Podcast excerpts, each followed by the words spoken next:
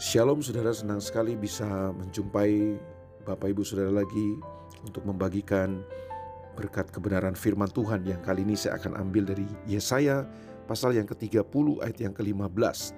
Yesaya pasal yang ke-30 ayat yang ke-15 firman Tuhan berkata begini. Sebab beginilah firman Tuhan Allah yang maha kudus Allah Israel. Dengan bertobat dan tinggal diam kamu akan diselamatkan. Dalam tinggal tenang dan percaya terletak kekuatanmu. Bapak Ibu Saudara, waktu kita sekolah dulu kita ingat setiap kali ada ujian maka ada papan tulis yang ditulis di halaman sekolah.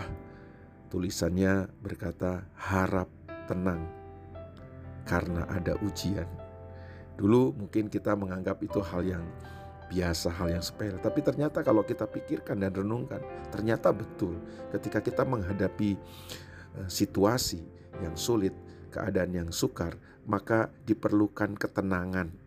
Tenang itu penting, menjadi tenang itu penting dan Alkitab hari ini berkata bahwa ternyata menjadi tenang itu adalah letak kekuatan kita. Seringkali kita kalah dengan situasi, kita kalah dengan keadaan, kita kalah dengan masalah-masalah dan persoalan hidup kita hanya karena kita tidak tenang. Jiwa kita terlalu e, berisik, jiwa kita terlalu gaduh sehingga kita tidak punya ketenangan. Dan ketika kita tidak tenang, kita sulit untuk mendengarkan tuntunan Tuhan. Ketika kita tidak tenang, kita sulit untuk berdoa. Dan ketika kita sulit berdoa, ketika kita sulit mendengar tuntunan Tuhan, maka kita nggak punya hikmat untuk menghadapi semua situasi kita. Nah ketika kita nggak punya hikmat, kita nggak punya tuntunan, maka kita nggak ngerti apa yang harus kita lakukan dalam kehidupan ini.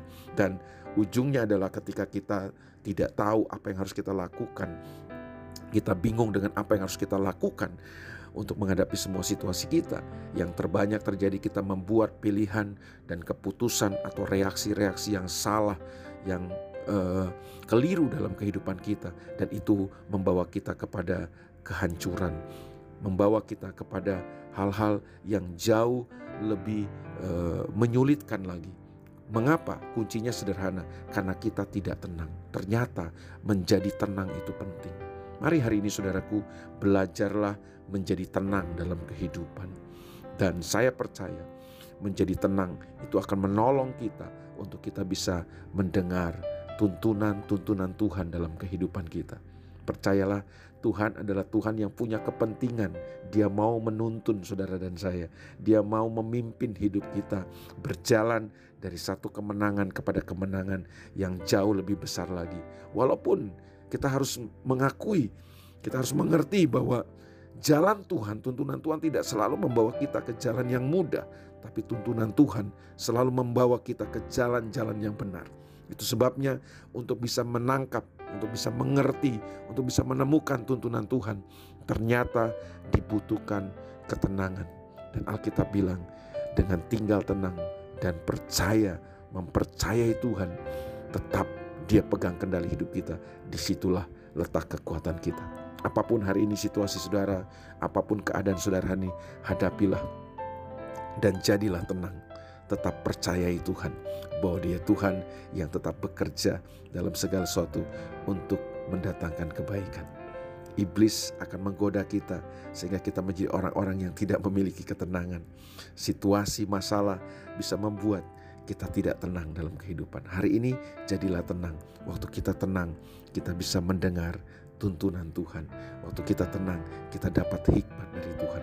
Waktu kita dapat hikmat dan tuntunan Tuhan, kita tahu apa yang harus kita lakukan dalam kehidupan kita. Dan waktu kita mengerjakan apa yang seharusnya kita kerjakan, kita akan menemukan jawaban demi jawaban dan kemenangan dalam kehidupan kita.